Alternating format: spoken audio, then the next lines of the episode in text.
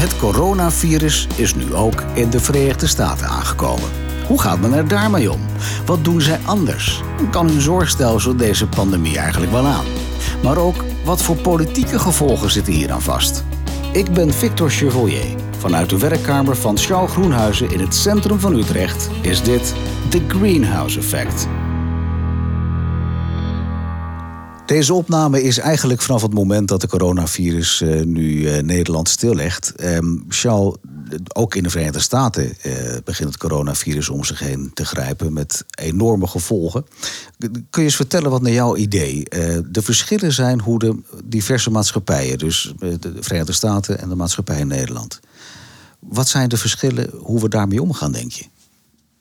Het zijn er een aantal. Laat, laat ik er te beginnen uitpikken eh, de manier waarop wij hier in Nederland en de Amerikanen in de Verenigde Staten nadenken over de overheid en over de politiek. Ja. Sowieso bij deze hele coronacrisis is er natuurlijk een cruciale, onmisbare, instrumentele rol weggelegd voor alles wat met de overheid en politiek leiderschap te maken heeft. Ja. En op dat vlak is er een enorm verschil. Laat ik met Nederland beginnen. Er is in Nederland bij veel mensen wantrouwen tegen de overheid en tegen leiders. Of het nou de premier is, of de partijen, of enzovoort, enzovoort. Aangeblazen door sommige politieke partijen, dat wantrouwen. En ik hoef de mhm. partijen niet te noemen, u begrijpt wat ik bedoel, meneer. Als je vervolgens kijkt, en ik, ik ben er zo een. Uh, hoe verhoudt zich nu het vertrouwen in de politiek, zeg ik maar even simpel, in Nederland zich tot het vertrouwen in de politiek in andere landen, bijvoorbeeld de Verenigde Staten? Dan scoren wij torenhoog. Torenhoog. Als je heel simpel kijkt naar de opkomst bij verkiezingen. Heel veel mensen komen, meer dan 80% de laatste keer komt op bij verkiezingen. Het vertrouwen in leiderschap, het vertrouwen in instituties, want dat ligt in het verlengde daarvan, is in Nederland vergeleken met bijna alle andere landen. We zitten heel hoog samen met bijvoorbeeld Scandinavische landen. Zitten wij daar torenhoog. Nou, dan even naar de Verenigde Staten. Daar is eigenlijk het omgekeerde aan de hand. Mhm. Daar is het wantrouwen in de politiek, het wantrouwen in politieke partijen, in politieke instituties. De opkomst bij verkiezingen heeft wel een aantal oorzaken ook door het systeem daar, maar toch is de opkomst zeer veel lager. Dus in al die opzichten scoren wij hier in Nederland, of als ik iets breder zeg in West-Europa, scoren we echt beter dan in de Verenigde Staten. Nou, daarna het corona-verhaal, de coronacrisis mag je langzamerhand wel zeggen. Ja. Uh, ik begon te zeggen, ja, je hebt die overheid kei en keihard nodig om dit te bestrijden. En je hebt een overheid nodig die vertrouwen heeft bij de bevolking. En daar zit de grote crux nu in de Verenigde Staten. Ja, Donald Trump is daar president. En we zeggen wel eens, het is een 50-50 nation. Hè. 50% is rechts en 50% links. 50% republikeins, 50% democratisch. Dat is nu niet helemaal zo. Want Trump zit wel fors onder de 50% eigenlijk vanaf het begin. En dat is geen Trump-bashing. Je hoeft daar geen boze tweets over te schrijven. Dat is gewoon echt waar. Ga ik simpelweg naar de website 538.com. 538 uitgeschreven in letters. Het, aantal electoral votes is dat, daar komt het vandaan. Dan kun je, elke dag kun je die cijfers kun je zien. Maar structureel is dat we eigenlijk de afgelopen 40, 50 jaar in de Verenigde Staten een conservatieve, veelal republikeinse beweging hebben gezien. Dus begonnen een beetje in de periode van Ronald Reagan. Die was president van 1980 tot 1988. Een beweging hebben gezien waarbij de overheid wordt zwart gemaakt. Mhm. En waarbij het adagium is van de republikeinen... dus destijds begonnen door Ronald Reagan... een goede overheid is een kleine overheid. En is steeds de indruk gewekt in allerlei politieke verhalen... of politieke propaganda, zo je wilt... dat de overheid in geen enkel opzicht ik zeg het even op zijn Engels, a force for good kan zijn. Een invloed, een instituut in de samenleving waar we met z'n allen beter van worden. Het omgekeerde is het geval. Die overheid zit jou en mijn individuele geluk als trotse Amerikaan vooral in de weg. Ja. Nou, dat culturele verschil is kolossaal en heeft vergaande gevolgen. En het heeft vergaande gevolgen nu bijvoorbeeld bij deze coronacrisis. Noem we daar kunnen die, van. Sorry? Noem, noem daar eens voor, voorbeelden nou, we Kunnen die, crisis, kunnen we niet, die crisis kunnen we niet bestrijden zonder zo'n vertrouwenwekkende, krachtige overheid. Omdat die overheid nogal wat offers van ons vraagt, hier in Nederland ook. We kunnen niet meer naar het café, we kunnen niet meer naar het restaurant. We, kunnen, uh, we moeten eigenlijk binnen blijven, zo gauw we een kuchje hebben enzovoort. Uh, en wie weet wat er nog aan extra maatregelen in de komende periode bij komt. We nemen dit op op het moment dat het minder een week, dan een week geleden is dat Mark Rutte tegen ons zei... nou, misschien moeten we maar stoppen met handen geven. Ja, We precies. zitten nu de dag nadat het kabinet heeft aangekondigd... dat alle restaurants en bars dicht gaan. Misschien eh, zitten mensen naar deze podcast te luisteren... als ook het openbaar vervoer is stilgelegd. Ik heb geen idee, Nee, weten we niet. We weten nog niet wat er gaat gebeuren nou. Maar globaal, en dat valt me ook op bij het tv-werk wat ik doe, waarbij een hoop reacties voorbij ziet komen, dat gemiddeld, ook bijvoorbeeld gisteren eh, in de uitzending een man van Horeca Nederland, en die zegt uiteindelijk is er ook bij al die restaurant- en caféhouders begrip voor wat we hier doen. En daar een, een stap naar de Verenigde Staten makend, is, is dat veel lastiger. Ook door het zeer gepolariseerde politieke klimaat. Wat door beide kanten, links en rechts, wordt veroorzaakt. Maar in mijn waarneming toch nog net iets meer door Donald Trump en de zijne dan door Nancy Pelosi en de haren. Eh, maar daar komt nog bij dat, eh, dat is een tweede aspect, los van die waardering voor de overheid, dat Amerika een systeem heeft. Denk bijvoorbeeld aan eh, de zorg wat structureel anders in elkaar zit dan hier in Nederland. Wij hebben hier in Nederland eigenlijk zelden zorgen over de zorg. In de zin van of wij iets wel kunnen betalen. Ja. Jij hebt een ziekte of een van jouw geliefden overkomt iets akeligs. Heeft hulp nodig, heeft medische zorg nodig. Eh, ik heb zelf de afgelopen jaar een aantal keren beroep moeten doen op een dokter en operaties aan mijn ogen. Ik heb me ooit één keer bij een oogziekenhuis gemeld en ben daarna een aantal keren geopereerd. En heel- bij de allereerste keer zeiden ze: meneer Groenhuis, mogen we even uw verzekeringskaartje zien? En daarna, daarna is het nooit meer klaar. Ja. In Amerika, je loopt een doctor's office of een eh, ziekenhuis binnen en zegt hartelijk welkom. eh, mag ik even een imprint van je creditcard maken? Eerste vraag. Dat is de eerste vraag. En, en dat, daar, daar komt bij nu heel simpel. Eh, Het gaat in Amerika, net als hier, gaat het over testen op het coronavirus. En als je het hebt, dat je behandeld kunt worden. In Amerika zijn er bijna 30 miljoen mensen zonder ziekteverzekering. Een minstens even groot aantal zwaar onderverzekerd. Dat betekent dat je of geen vergoeding krijgt of voor een behandeling. eh, een, een, maar zeer ten dele een vergoeding. Er zijn, dan hou ik op met cijfers hoor. Er zijn in de, wat ze noemen de hospitality-industrie, dus hotels, restaurants, maar ook eh, eh, McDonald's enzovoort, 7 miljoen eh, werknemers in die sector. Dat zijn de mensen die voor jou en mij eten eh, bereiden. 7 miljoen, die hebben geen betaalde ziektedagen. Je wordt ziek, je blijft thuis en vanaf dat moment staan je inkomsten stil. Nou, voeg daar dan bij dat je waarschijnlijk dan ook een niet, geen of een slechte verzekering hebt. Ziek zijn is voor heel veel Amerikanen onbetaalbaar. Ziek zijn leidt bij Amerikanen vaker dan bijna welke andere oorzaak ook. Ziek zijn leidt tot faillissement. Ja. Als je, en- niet zozeer behandeling voor corona, maar bijvoorbeeld neem, eh, behandeling voor kanker. Eh, ja, in heel veel gevallen komt het voor dat op een bepaald moment de dokter toch bij je komt en zegt van mevrouw meneer, u hebt nu 15 van die chemobehandelingen gehad en eh, we have a problem. Want vanaf nu moet, nu moet u het zelf gaan betalen. En dat kan bijna niemand. Nee. Dat kan echt 80%, 90% van Amerika kan dat niet zelf betalen. Dus nemen ze een hogere hypotheek. Of ze verkopen een huis. Of eh, maken de erfenis op. Of eh, hun spaargeld gaat eraan.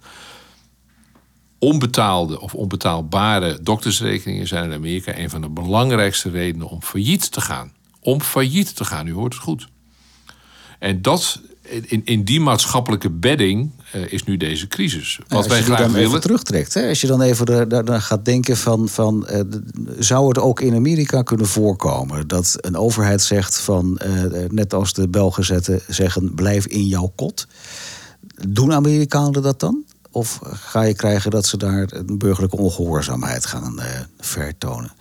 En de tweede vraag is, als je het hebt over coronavirus, eh, dat moet getest worden. Eh, gaan mensen dat ook doen? En, en gebeurt er dan verder wat? Nou ja, blijf in je kot. Stay home. Eh, heel veel Amerikanen zullen zeggen... ja, dat kun je nou wel tegen mij zeggen... maar dat kan ik me dus helemaal niet veroorloven. Precies. Eh, vanwege... de- je inkomen staat gelijk stil. Eh, dat geldt niet alleen voor de Amerikaanse ZZP'ers... maar geldt in heel veel, heel veel banen. Je hebt een baan en op het moment dat je stopt... en net zo, net zo goed als ze geen betaalde ziektedagen, of, eh, vakantiedagen hebben in heel veel gevallen... eh, geen betaald zwangerschapsverlof. Moet dat, voor vele miljoenen Amerikanen bestaat dat eenvoudig niet. Als je ze uitlegt hoe wij dat hier in Nederland doen... en bijvoorbeeld Scandinavisch doen het nog weer ietsje verder gaan dan wij... dan kijken ze bijna ongelovig aan. Dat, Ja. dat, dat, dat, dat soort rechten hier in Europa en in Nederland eh, voor mensen bestaan. Dus het is, eh, op het moment dat Donald Trump zou zeggen... blijf in je kot. Ja. Zoals die Belgische minister. Uh, blijf thuis. Niet meer naar buiten, behalve in, in zeer urgente gevallen. Ja, dan zullen veel Amerikanen zeggen: ja, dat kan ik me helemaal niet veroorloven. Dus dat gaat niet werken. En, en, en daar, komt, daar komt nog bij dat heel veel Amerikanen. Uh, stomweg door de omvang van het land. ja, toch af en toe in de auto moeten stappen. en een half uur moeten rijden naar de dichtstbijzijnde supermarkt. Ja. dus ik denk dat dat in Amerika veel en veel lastiger zijn. Het is hier al lastig. Uh, kijk in Spanje, kijk in Italië. Dat, is echt, dat vraagt grote offers. We zijn in Nederland niet zover. In ieder geval op het moment dat wij dit gesprek opnemen, zijn nee. we zover niet. Het zou kunnen als, het, als de, de aantallen besmettingen en, en, en dodelijke slachtoffers echt zou oplopen, dan zouden we zover kunnen komen. Dat weet ik niet. Maar ik denk wel dat, en daar begon ik met het vertrouwen in politiek en vertrouwen in overheid en vertrouwen in instituties. Dat Nederlanders, met alle eigenwijzigheid die ons met onze genen is meegegeven, zo ongeveer. En we zijn heel eigenwijs en we zijn dwars als het gaat om autoriteiten en zo van, oh, oh ja, ja, ga jij mij nou vertellen wat ik moet doen? Ik vermoed, maar dat hangt ook heel erg af van het leiderschap van Mark Rutte. Dat hangt ook af van, toch denk ik, gaat koning Willem-Alexander zich op een goed moment hierin mengen? Uh, gaat hij op een goed moment het volk toespreken? Dat kan ik me voorstellen. Uh, dat maar ik denk dat toch dat het eind de meeste Nederlanders zullen zeggen: ja, dit is gewoon noodzakelijk. Eh, zo goed als je dus bij, bijvoorbeeld bij de horeca ziet van dat de meeste ondernemers zeggen ja, pijnlijk en het, kan heel pijnlijk zijn, maar we snappen het wel. Uh, zo goed als je bij uh, werknemers van luchtvaartmaatschappijen die nu op straat komen staan ook hoort, ernstig, zeer ernstig misschien, maar we snappen wel wat er aan de hand is. De urgentie dringt op mensen door en die urgentie kun je vervolgens in gedrag verzilveren, want daar gaat het om. Doen mensen wat je van ze vraagt. En misschien dat dat iets dwingender nog zou moeten vanuit die overheid. Dan van, nou, zou u niet misschien eens anderhalve meter van anderhalf willen blijven ja. zitten?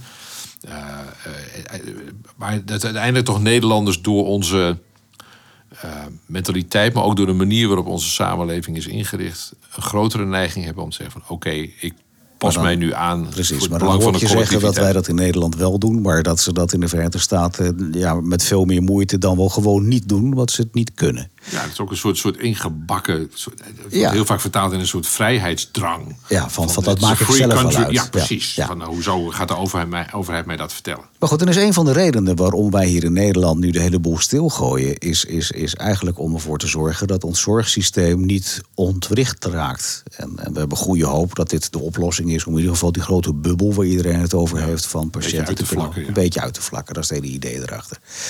Uh, we stellen net al een beetje vast dat dat in de Verenigde Staten een probleem gaat worden. Maar als je hem doortrekt naar in hoeverre hun zorgsysteem daartegen kan. Wat niet. verwacht je daarvan? En wat verwacht je dan dat de prognose gaat worden nu? Hoe, hoe gaat het eruit zien? Nou ja, er, er zijn een aantal scenario's worden er gewoon uitgerekend. Epidemiologen kunnen dat voor je uitrekenen. Uh, en, en dan heb je vier scenario's die bijvoorbeeld ook in de New York Times uitgebreid besproken zijn. Ja, met name de eerste twee, dan zit je met een totale maatschappelijke ontwrichting van een, een, een, een zorgsysteem. Dat het aantal, simpelweg, het aantal uh, mensen dat naar beademing moet, van geen kant uh, kan helpen. Dus ja. mensen krijgen dan geen beademing. Nou ja, kleur zelf de plaatjes wat er dan gebeurt. Wat voor politieke gevolgen zullen eraan vastzitten, denk je? Ik denk uiteindelijk, uh, met alle onzekerheid over hoe dit gaat aflopen en hoe heftig het uiteindelijk wordt, uh, denk ik dat dit, als je het puur politiek duidt, mm -hmm. en dan kunnen mensen ook wel weer boos over worden, maar goed, dat is dan maar zo. Uh, wat mij betreft hou je tweets even bij je. Uh, maar is dit, is dit uiteindelijk beter voor links dan voor rechts? En ik zal uitleggen waarom. Omdat, zoals je bij alle hele grote problemen waar we met z'n allen voor staan, even ietsje verbreden het klimaat kun je niet aanpakken zonder een goede, krachtige overheid. Ongelijkheid in de samenleving kun je niet aanpakken. Dingen rond immigratie heb je een hele daadkrachtige, vertrouwenwekkende overheid nodig. Bij dit, de aanpak van deze coronacrisis kun je niet zonder een goede, betrouwbare overheid. Maar ook een overheid waarvan de bevolking zegt: Ik geef jou het voordeel van de twijfel. Mm. Ja, er zijn dingen die er fout gaan. Denk aan de toeslagen en de glazen bij overheidsdiensten en de belasting. Ik weet, ja, ik weet het allemaal. Ja. Maar tegelijkertijd. Net zo goed als je op tegen je kinderen zegt van ja, je doet nu wel stomme dingen in een teenagejaar of zo, dat je denkt van hoe is het mogelijk? Maar uiteindelijk schat, je bent mijn kind en ik hou van je en dat komt uiteindelijk wel goed. Die houding moet je eigenlijk naar de overheid ook hebben. Die overheid is ook een soort puber die dat je denkt, soms ja. denkt van hoe stom je kun nou je zijn. Doen? Ja. Maar uiteindelijk, en dat, dat is altijd mijn basishouding uh, als het gaat om overheid en politiek, in ieder geval hier in Nederland, overwegend wordt er gewoon goed werk geleverd. Overwegend zitten er mensen die er voor de publieke zaak zitten. Al dat geklets op social media dat alleen maar zakkenvullers zijn en op hun eigen belang uit. Hou nou toch op. Uh, ik, ik heb je maakt je er boos over. Nou ja, ik heb op Twitter over een oproep gedaan van laten we nou wees kritisch op je politieke leiders. Daar ben ik ook. Dat werkt mijn vak werkt dat met zich mee. Maar tegelijkertijd geef ze het voordeel van de twijfel. Tenzij je het bewijs hebt dat ze dat voordeel van de twijfel niet verdienen. Dat bewijs heb ik niet gezien. Integendeel, ik zie, dat gaat om het kabinet, gaat om de premier, gaat om ons koningshuis, vergis je niet. Die verdienen wat mij betreft voluit en royaal het voordeel van de twijfel. En dan krijg je een andere sfeer in het debat. Hoef je niet de kritiek in te slikken. Hoef je niet alles maar te aanvaarden. Oh nee, ze doen het wel goed. Nee, dat moet je voortdurend kritisch blijven volgen. Maar de ondertoon is goed als wij onze teenage kinderen... Ik ben daar voorbij, uh, maar ik heb het wel meegemaakt, uiteraard. Uh, bij je teenage kinderen dat je denkt van... mijn hemel, wat doe je nou? Maar uiteindelijk, schat, je bent mijn kind... en het komt uiteindelijk goed en we komen er samen uit. En zo'n soort houding zou je eigenlijk moeten hebben ten opzichte van over. En, en de meeste Nederlanders kijken naar de statistieken van het Sociaal en Cultureel Planbureau en CBS en internationale onderzoeken. Over het algemeen vertrouwen wij onze overheid ook. Hoewel maar het, is in de het publieke debat anders verondersteld. In de Verenigde Staten is dat wezenlijk anders. Ja, en dat, dat, is ook, dat zal ook een heel groot probleem zijn. Als wat nu algemeen verwacht wordt. Het aantal gevallen in Amerika snel zal oplopen. Ze testen bijna niet. Meten is weten. Uh, maar niet meten is dus niet weten. Maar niet testen is ook omdat er geen geld voor is. Er wordt geen geld voor is gewoon niet op voorbereid. En een, een afdeling van de National Security Council... wat een deel is van het Witte Huis... wat zich met dit soort bedreigingen bezighield... is door Donald Trump eenvoudig opgeheven. De vacatures die daar vielen zijn niet opgevuld. Dus Amerika is voor een deel ook slechter voorbereid. En dat hoor je ook de deskundigen van het NIH... zeg maar een beetje RIVM van Amerika... Uh, daar zitten hele verstandige mensen. Uh, de baas is Anthony Fauci. Ik ken die man, die woonde bij mij om de hoek. Uh, en, en, ik ken hem al uit de, uit de begintijd van de AIDS-periode. En dan interviewde ik hem wel eens. Ik ben bij hem thuis geweest zelfs. Maar die man, die zie je ook af en toe... Dan moet je naar YouTube gaan.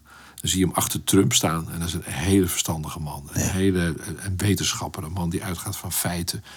En elke keer denk ik... God, Anthony, sta je s ochtends niet eens op... dat je denkt van tik er maar in. Maar dat doet hij dus niet. Hij blijft op zijn post en hij blijft al die ongeinen uit het Witte Huis slikken. Voor het collectieve belang. En van dat soort mensen, de Anthony Fauci's van deze wereld. En we hebben ze hier in Nederland ook bij Bossen. En we mogen ze steeds interviewen in onze tv-programma's. Dat zijn mensen die gewoon hun, hun belang terzijde schuiven. En echt vechten voor die publieke zaak. En uiteindelijk vechten voor jou en mijn welzijn. En jou en mijn gezondheid. Met hun kennis en kunde. Dankjewel. Ik hoop dat we de volgende uh, podcast kunnen maken over, vanuit een wat standpunt wat we wat, wat meer weten over het hele coronavirus en hoe het dan verder gaat. Dankjewel weer zo.